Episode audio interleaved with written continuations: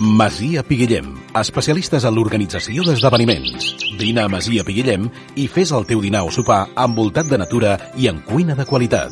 Més informació i reserves a masiapiguillem.com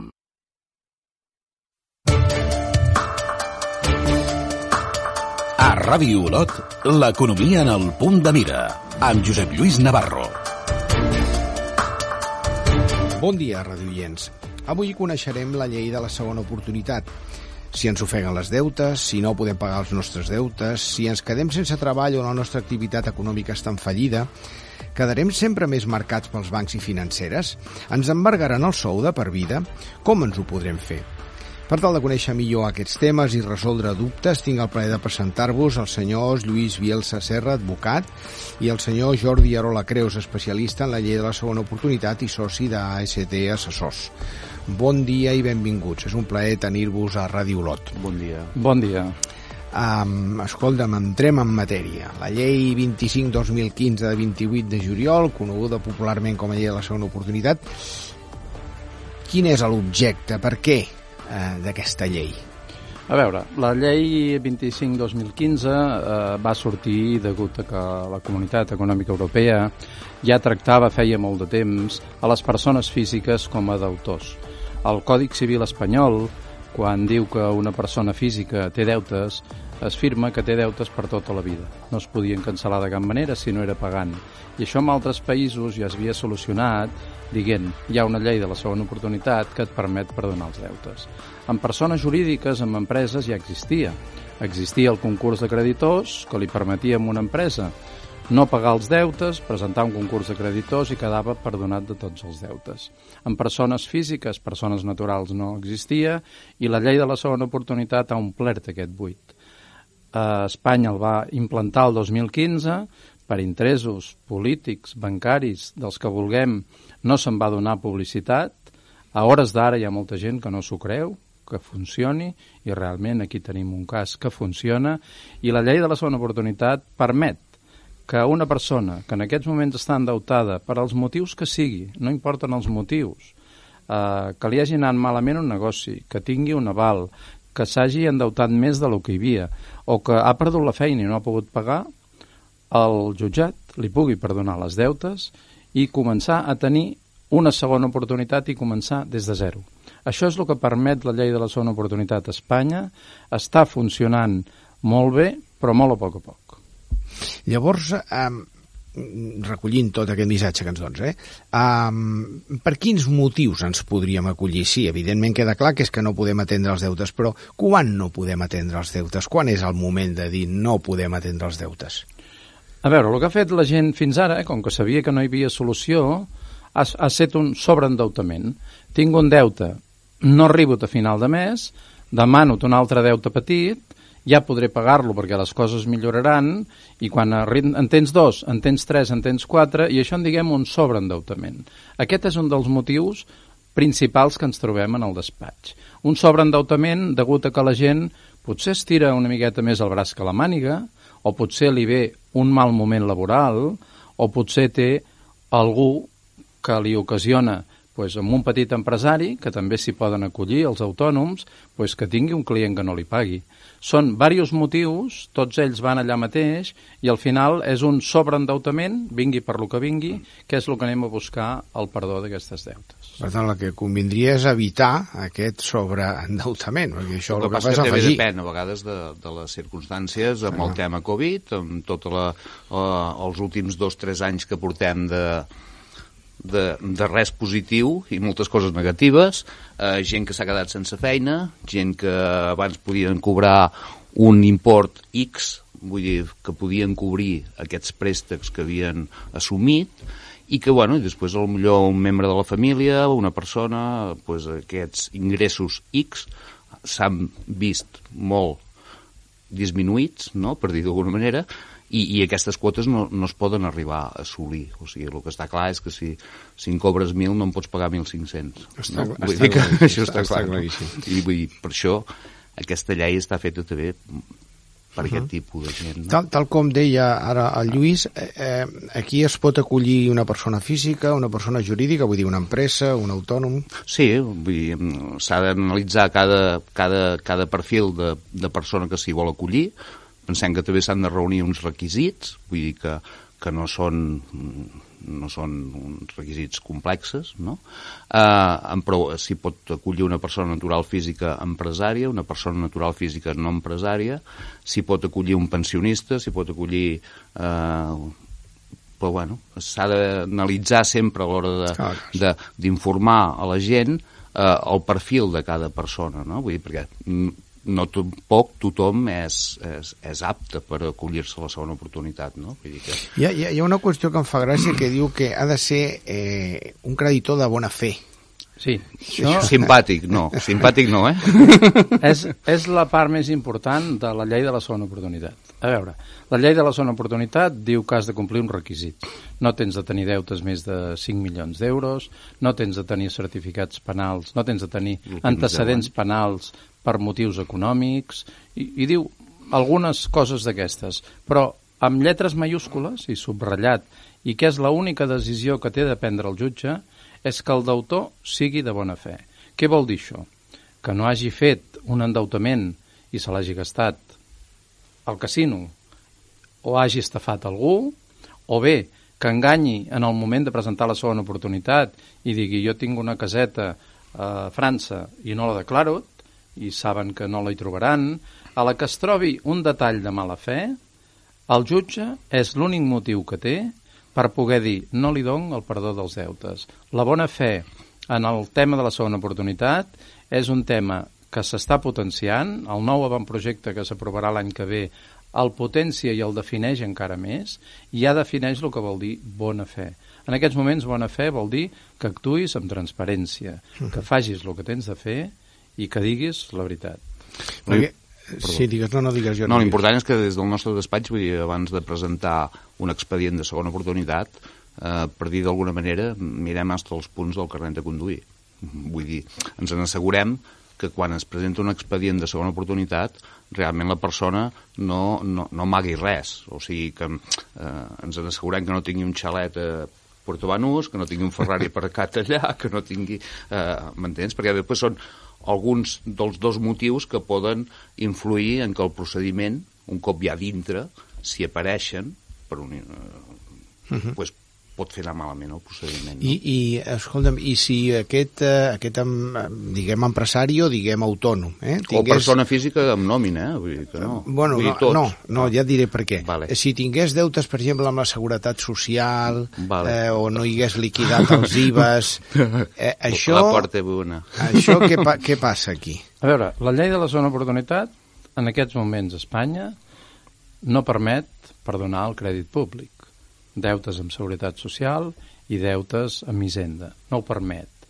Els jutges, igual que tota Europa, han vist que això és un absurd per als empresaris, perquè els empresaris no paguen els impostos perquè no volen, quasi tots, sinó no paguen els impostos perquè no poden. Perquè no poden, realment no arriben. Després, el, sense canviar la llei, els jutges han marcat uns criteris i amb això Catalunya, els jutges de mercantils de Barcelona han sigut pioners, han marcat uns criteris molt clars. I la jurisprudència, el Tribunal Suprem, en aquest cas, ja ho ha dictat amb una sentència, 2 de juliol del 2019, que ha dit, escolti'm, si un senyor té deutes amb hisenda pública, no els hi, perdarà, no els hi perdonarem tots. Li posarem un pla de pagos durant 5 anys de la part que pugui pagar amb els seus ingressos actuals i si compleix aquests 5 anys no té de discutir-se amb ningú. Li perdonarem els deutes. Li perdonarem els deutes, però Tots. pagaran... Eh, pagarà... Durant 5 anys pagarà una quantitat que ell pugui pagar. El seu excedent mensual, no. per dir-ho d'alguna manera. L'única quita, si em permeteu dir la paraula quita, que, que sí. no afectaria seria l'hisenda pública. Sí, però també afecta. Sí, també eh? afecta. Imaginem-se un senyor que tingui una deuta d'un milió d'euros en hisenda pública. Es pot acollir la segona oportunitat, en aquests moments té una nòmina de 1.500 euros i li sobren 100 euros al mes. Aquest senyor, quan li, li té de dir al jutge, miri, a mi me sobren 100 euros al mes i puc pagar 100 euros al mes. I el jutge li diu, pues fes-me un pla de pagos que li pagaràs Hisenda. Pues mira, 100 euros al mes durant 5 anys, que això són 6.000 euros. I el jutge diu, si compleix aquest pla de pagos durant 5 anys, te perdono el milió d'euros. Per tant, Caram. també hi ha una quita amb el crèdit públic. Però aquesta ja està molt més controlada i el jutge la té de firmar.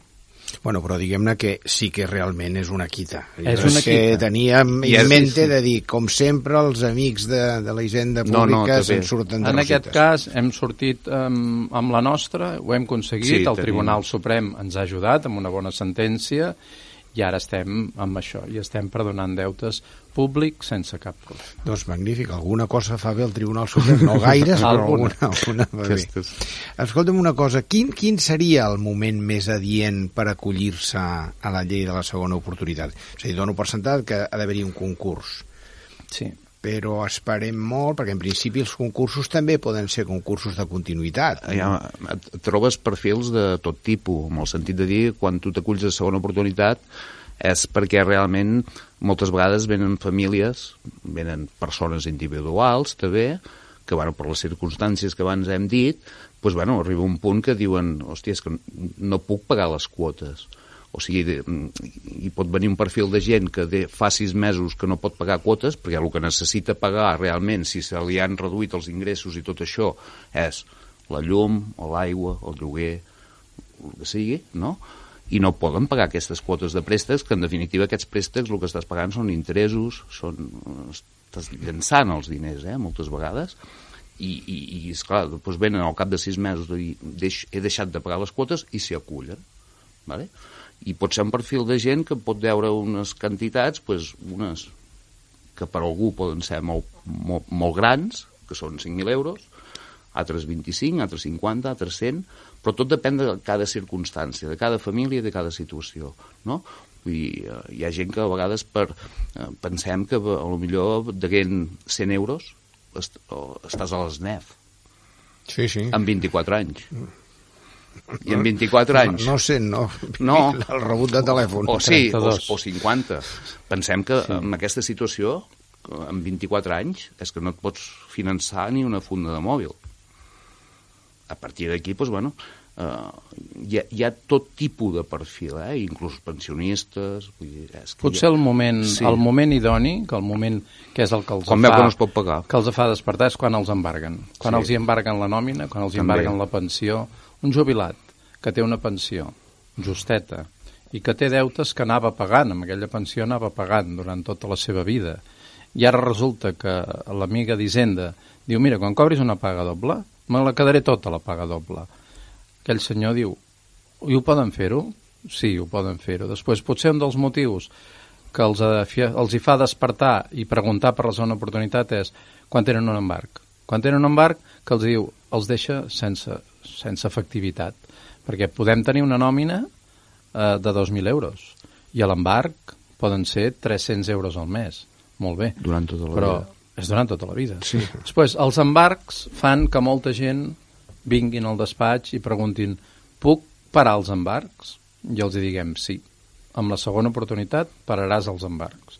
I això és el que els, eh, els ajuda més. A, a, es paren els embarcs, eh, però imagino, com després ho comentarem, eh, hi ha un, un, un tempo, eh, perquè Sí. aquesta, aquest dictamen judicial eh, acrediti sí. aquesta llei de segona oportunitat.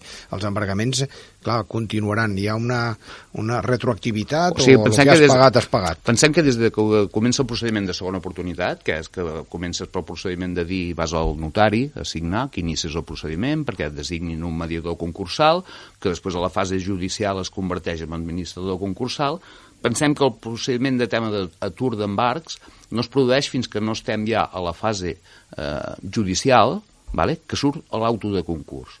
L'auto de concurs és, per dir d'alguna manera, el paper oficial, eh, el document oficial que, que, que emet el jutge, conforme eh, estàs en el procediment i des d'aquell moment l'advocat del client que s'acull a segona oportunitat, eh, segona uh -huh. oportunitat perdó, eh, pot sol·licitar l'atur dels embargaments que una persona pot tenir en una nòmina. Correcte. Eh, que estem parlant, una persona que pot cobrar 1.500 euros, li estan aplicant des de fa 6 mesos, 7, 8, 10, un any, 200 euros, eu, 200 euros d'embarc en nòmina, per posar un exemple. Pues a partir d'aquell moment, quan es fa la comunicació, en un mes o així, aquests embarcs es paralitzen. O sigui, aquest senyor no. que cobrava 1.500, que li aplicaven un embarc de 200 euros i n'estava cobrant 1.300, aquest senyor torna a cobrar aquests 1.500 euros. Perfecte, perfecte. Vale? I així ja durant tot el procediment està protegit. Fins que es dictamini el que es Fins dictamini. que, fins que surt l'últim escrit per part del jutjat, que és el, el BEPI, el, el Beneficio de Exoneración del Pasivo Insatisfecho, el perdó dels deutes. Ah, Em ve una cosa al cap. Um, la, el que seria la sol·licitud de concurs de creditors mm. és eh, paral·lel, diferent al La sol·licitud- concurs de Aquí, segona... aquí tenim dos Bueno, és trossos. diferent, és d'empresa. Per la segona oportunitat l'han muntat amb dos parts. La primera part es diu acord extrajudicial de pagos, perquè es pensaven que Espanya era un país on es podia arribar a un acord extrajudicial de pagos amb els creditors. Quan diguem creditors, diguem bancs. Això ha sigut un fracàs absolut. No hi ha hagut cap banc que hagi acceptat Un una negociació. No hi ha hagut cap banc que hagi acceptat un acord. En el nostre despatx, amb 400 casos, tenim dos casos, dos, que els bancs han acceptat un acord. Dos.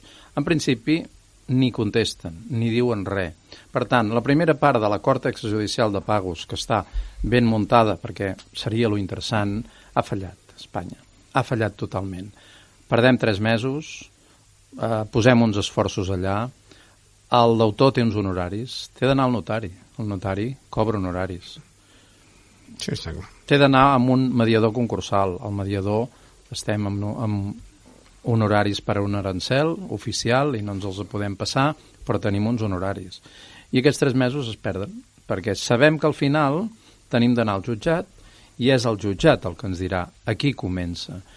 A partir d'aquí, l'acord extrajudicial de pagos és totalment obligatori fer-lo. No ens el podem saltar, perquè si ens el saltem, una de les condicions que té el concurs consecutiu o concurs de persones físiques i la llei concursal així ho diu, és que hagi intentat a l'acord extrajudicial de pagos. Si no ho ha intentat, no tindrà perdó dels deutes. No. Per tant, com que és obligatori, s'ha convertit en un pas totalment obligatori. Entenc que s'ha d'acreditar aquesta No, negociació. no s'acredita, No no cal. dir, només, només anar al notari, pel fet d'anar al notari, el mediador concursal, que és un professional format en formació per fer-ho, és ell el que ho acredita i l'acte final que es firma sense els creditors, perquè no venen, No però venen. amb, amb el deutor i el mediador ja dona fe d'això. I a partir d'aquí després ja anem al concurs consecutiu, però no és paral·lel, eh? és un darrere l'altre. Si no es fa un, no es pot fer l'altre. Dos, tres mesos primera fase i després I ja, ja no es presenta el concurs consecutiu que el temps, el temps que pot durar tot depèn de, del jutjat que presentes, tot depèn sempre, diguem, no, de, Però, de, bueno, de, de, de l'agilitat no? de, de, del jutjat. L'experiència vostra, què diria? Un any, Eh, a data d'avui pot, un procediment de segona oportunitat es pot aconseguir. També de- depèn molt mm, en, en, en, en cada cas, no? Vull dir, perquè a vegades hi ha procediments de segona oportunitat que hi han actius, que hi han propietats. Eh, hi ha altres casos que no hi han propietats, no hi ha res, tots són deutes amb entitats financeres, i després, depenent del jutjat que, que, que vas, de, quan estem dient jutjats, pot ser Olot, pot ser Figueres, pot ser Santa Coloma, pot ser... Vale? Tot aquí. Um, però la mitja, lo normal, és que puguin ser procediments d'un any i mig, dos, a data d'avui Déu-n'hi-do. sí. per aconseguir el perdó definitiu del deutes. Però també estem parlant de que, que aquesta llei, els procediments que portem, que han pogut tardar un any i mig, dos, també en les primeres fases de, de, de la segona oportunitat, que diguéssim han estat eh, a partir del 2017, eh, els jutjats no sabien de què anava per dir d'alguna manera, nosaltres al nostre despatx anàvem als jutjats a explicar una mica com es tenia que fer el procediment per, per tirar endavant la segona oportunitat, no? Eh, a partir d'aquí eh, podem dir que tots els jutjats de la província ja tenen una experiència, no?, per dir- eh, per dir-ho d'alguna manera, i això sempre ens està agilitzant una mica més el procediment. Bueno, El però de totes nosaltres- maneres cal tenir en compte això, eh? Un, un any i pico, sí, eh? nosaltres amb un client compte, sí. no li diguem mai sis mesos. O sigui, nosaltres amb, amb una persona no li podem dir seran 12 mesos, 13, no. No. Podem dir, pot ser un any, un any i mig, un any i vuit mesos, un any i deu mesos. Però No. s'aconsegueix. Perquè aquí tenim un... Eh, ara, ara, ara, ara en parlarem. Ara en parlarem. Uh, queda clar que eh, amb, la, amb la llei de la segona oportunitat, vull dir, podem obtenir eh, de forma judicial, per tant, eh, a, a tots els efectes, el perdó de tots els deutes. I el més important és que podrem començar més o menys pues, de zero, si, si m'ho permeteu. Totalment, Eh? totalment. Eh, però quines contrapartides hi ha aquí? Perquè Cap. segur que n'hi ha. No. Sí, n'hi ha. Bueno, qui... La contrapartida principal de la llei de segona oportunitat. El que tens ho perdràs bueno, sí, sí, hi ha propietats. i jo et perdonaré tots els deutes. A partir d'aquí comencem a matitzar què és el que tinc. Jo puc tenir un cotxe que el necessito per treballar, per tant, no el perdràs. El jutge te'l deixarà conservar. Puc tenir una vivenda amb una hipoteca que està al corrent de pago i que el valor de la hipoteca supera el valor de la casa. Si tu ets conscient de que pots pagar aquesta hipoteca, el jutge te la deixarà salvar. Mm. El xalet de la costa de segona, de segona el perdràs. Vale? Per tant, les contrapartides són aquestes. Perdràs el que tinguis, excepte vivenda habitual, excepte el cotxe, si el necessites, eh, i tal, i a canvi te perdonarem els deutes. És l'única contrapartida que hi ha, no n'hi ha cap més.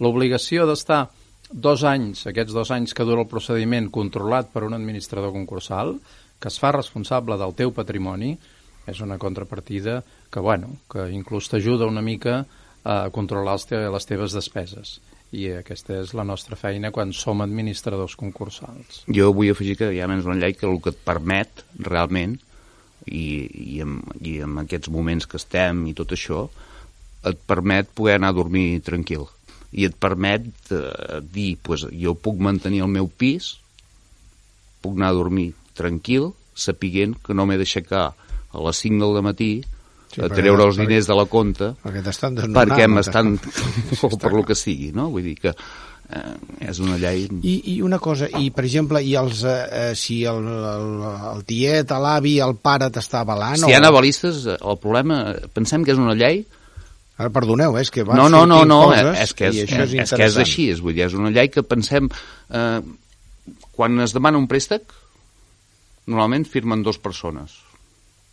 Pot ser un matrimoni, pot ser un, dos germans, pot ser el que sigui. El que està clar és que la llei de la segona oportunitat, el que a qui perdona els deutes és a qui s'acull a segona oportunitat. Per exemple, hi pot haver un matrimoni que s'han separat, però han firmat deutes conjuntes. Vale? O sigui, han firmat un préstec, han firmat el CTLM, han, perdó, per fer... però, Cap problema. han firmat préstecs, una hipoteca, tot el que sigui. A qui perdonen és a la persona que s'acull a segona oportunitat. Si hi ha avalistes, aquesta gent li continuaran reclamant el total del deute. Sí, per tant, tot i que el titular principal, ara no estava pensant en això, eh? estava Qui pensant... firma? Qui firma? Si hi ha dos jo, firmes. Jo estava pensant amb el, amb, el, amb el petit empresari o amb el petit autònom que Sí.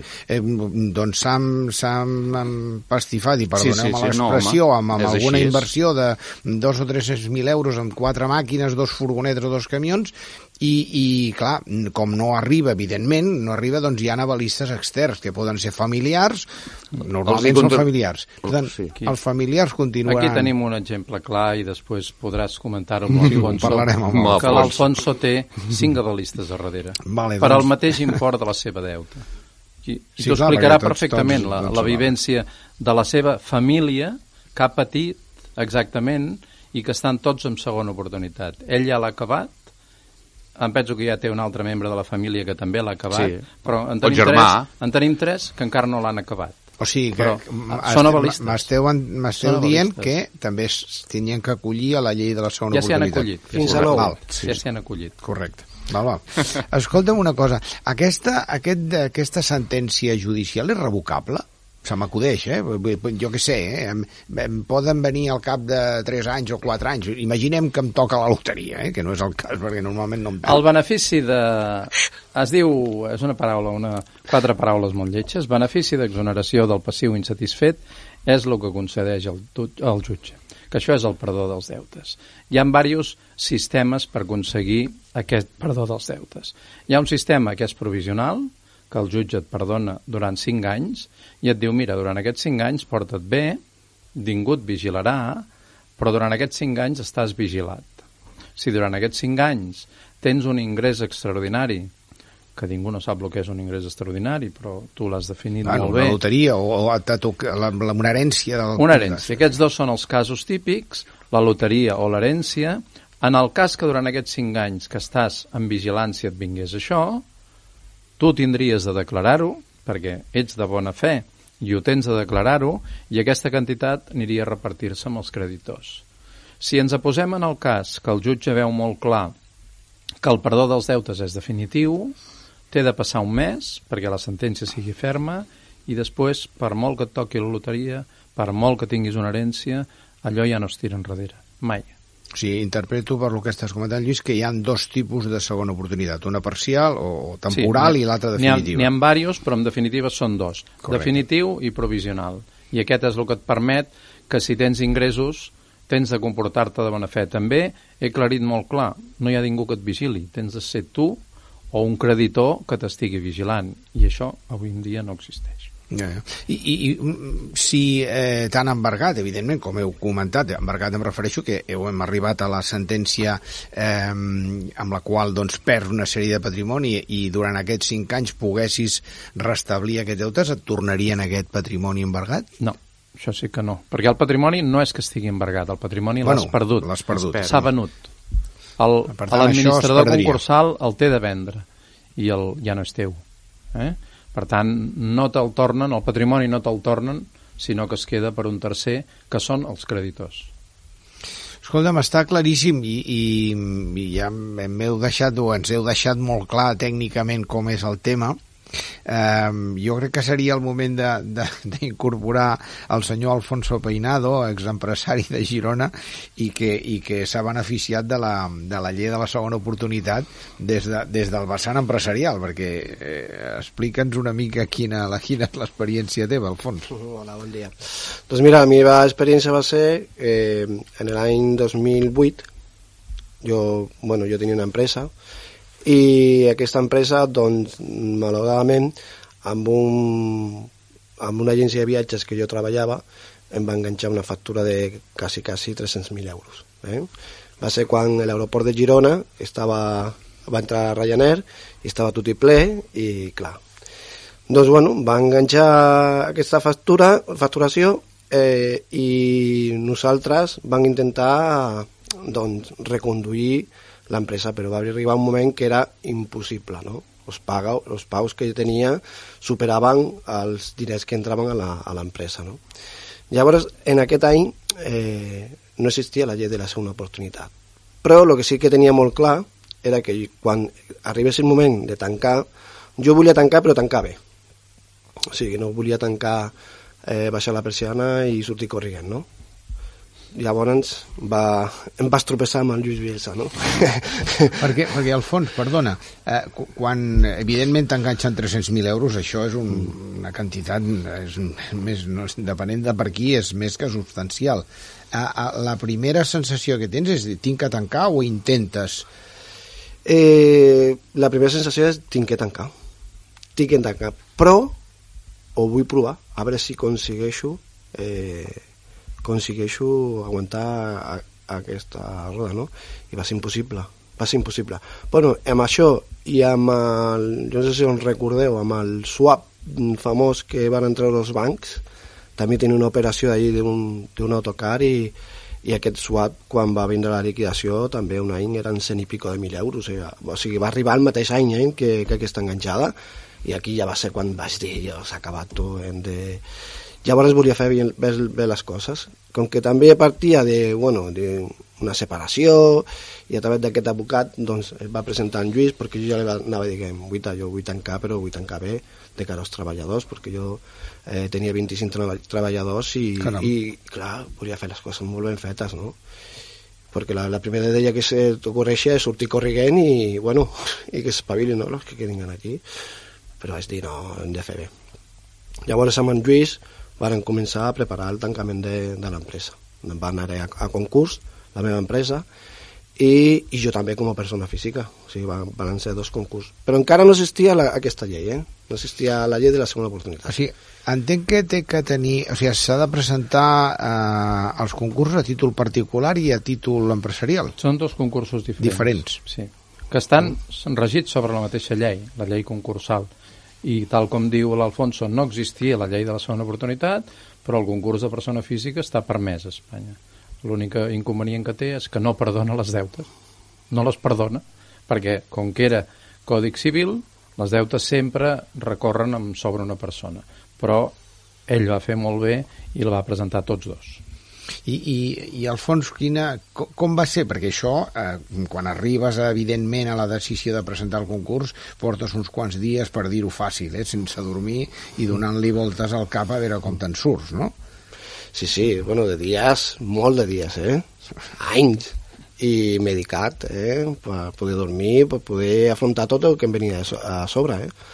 Perquè era una empresa que el, jo l'havia creat a la meva ex-dona des de zero, no? I era una empresa que tenia 25 autocars, que estava molt bé posicionada a Girona, amb una bona imatge, clar, i quan el primer que tens quan s'aixeca el dia és la tocada del banc i a la mitja hora el mateix i així fins a les 3 de la tarda cada mitja hora, hora trucant a veure què, què encales le pots portar i tu dius no puc avui i així cada dia, cada dia, cada dia, bueno, era... Abans comentava el Lluís que els bancs no, no negocien.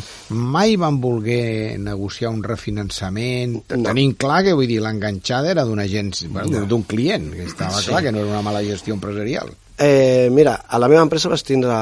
Eh, bueno, mm, em vas crear... Vas dir... Tu, en Lluís me lo va dir, tu aguantaràs fins que el banc vulgui. En el moment que el banc digui que tu has de tancar, te tancarà l'empresa. I així va ser.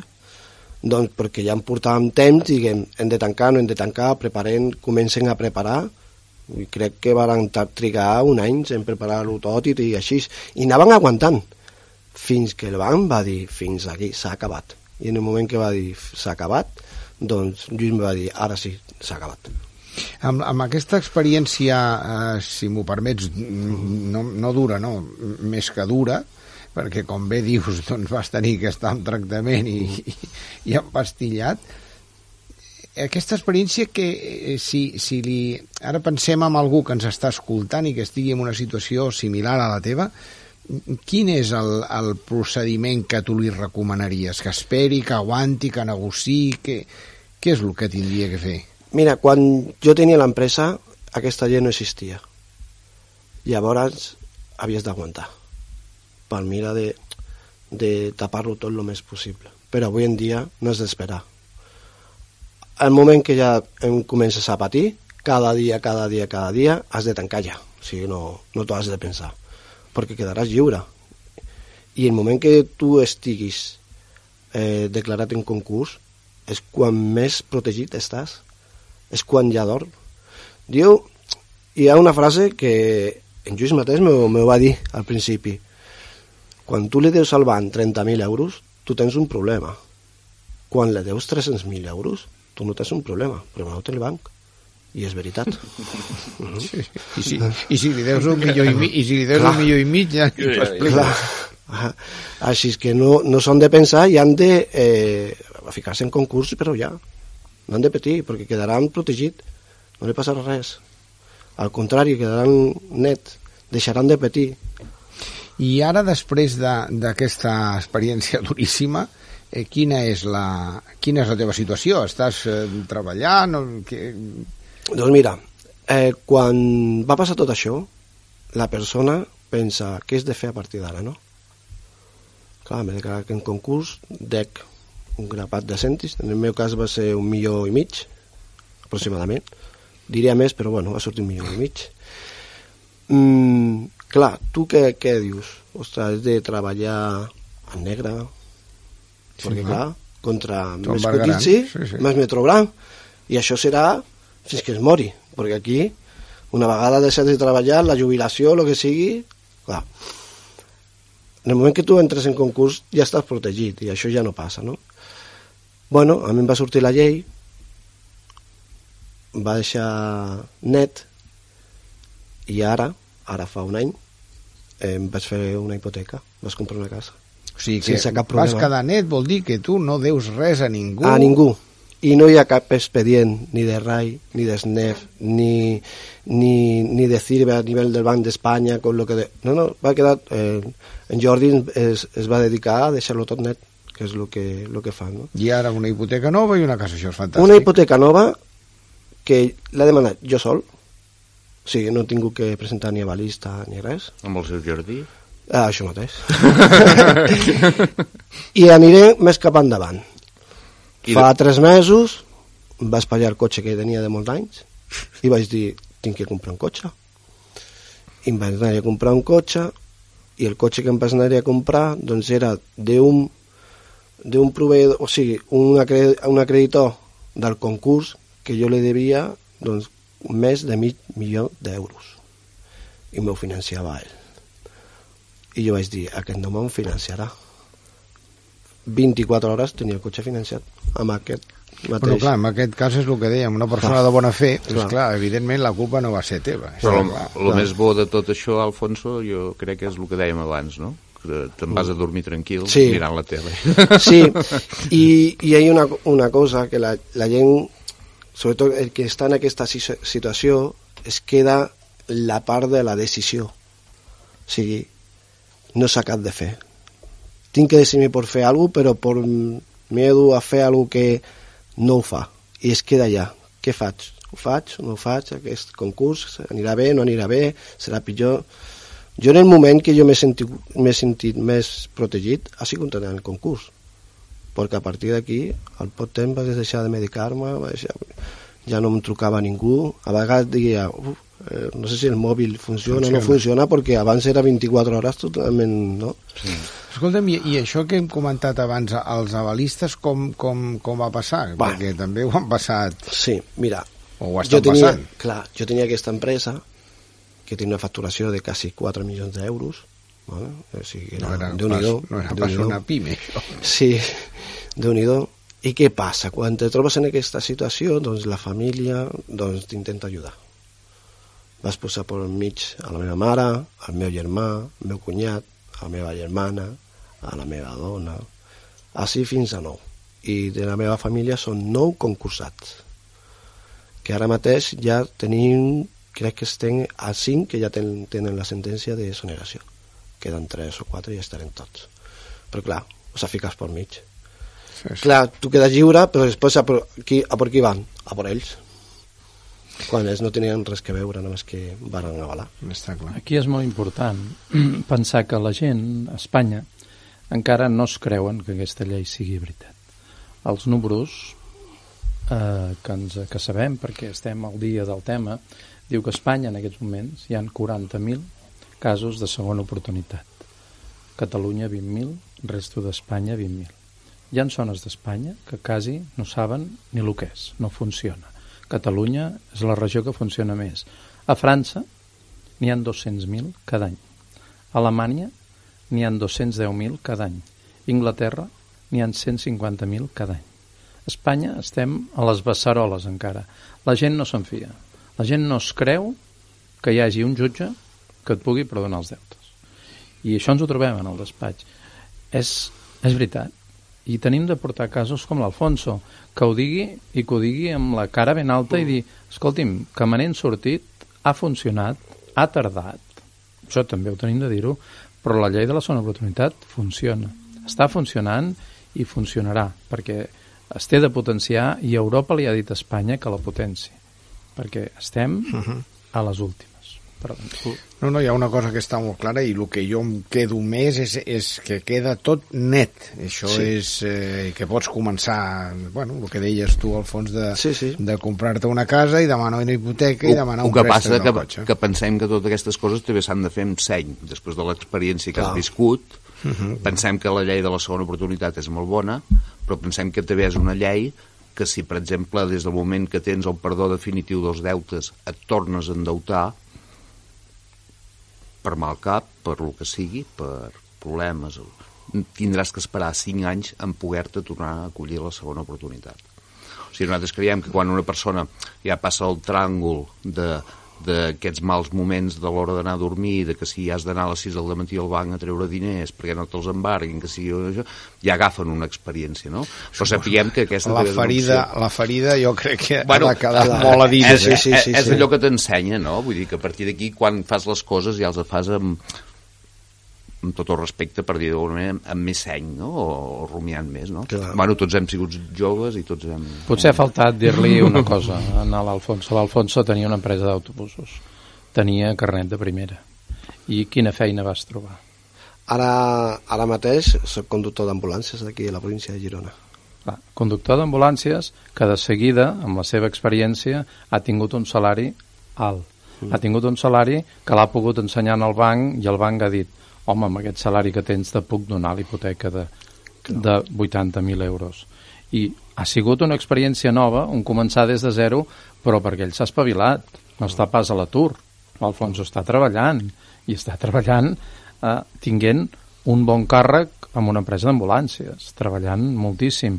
Per tant, és el que ha lligat amb en Jordi. Eh, no es poden fer bestieses, però ell els ha fet conscient de que ho pot pagar-ho. I el banc li ha assegurat, guita, sabem que estàs en segona oportunitat, perquè has quedat amb un registre i, a més, era del mateix banc, per tant, sabem que ho hem perdut, però te'l tornem a donar, perquè pots pagar-ho, i sense aval. Això demostra que la llei en si funciona, però perquè és un cas que s'ho mereix. Si s'ho mereix, els bancs, Endavant. quina és la seva feina? Donar crèdits. Si no, no treballa. Bueno, això ho podríem discutir un altre dia, un dia, Un altre un altre dia, dia en parlarem. Escolta'm, um, ha sigut una, una estona molt constructiva per una banda i després molt, uh, molt humana per l'altra, no? que hem comptat amb el, amb l'Alfons que ens ha, ens ha ofert aquesta visió més traumàtica, no? que ho ha viscut amb, amb, amb, la, amb la seva pell. No? Um, escolta, moltíssimes gràcies eh, Lluís, eh, Jordi i Alfons per aquest temps i tota aquesta informació que ens heu, que ens heu ofert. a disposar.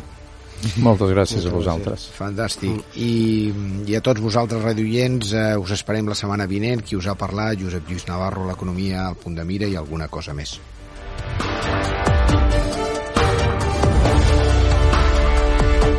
L'economia en el punt de mira, a Ràdio Olot. Ara i sempre, compromesos amb l'actualitat.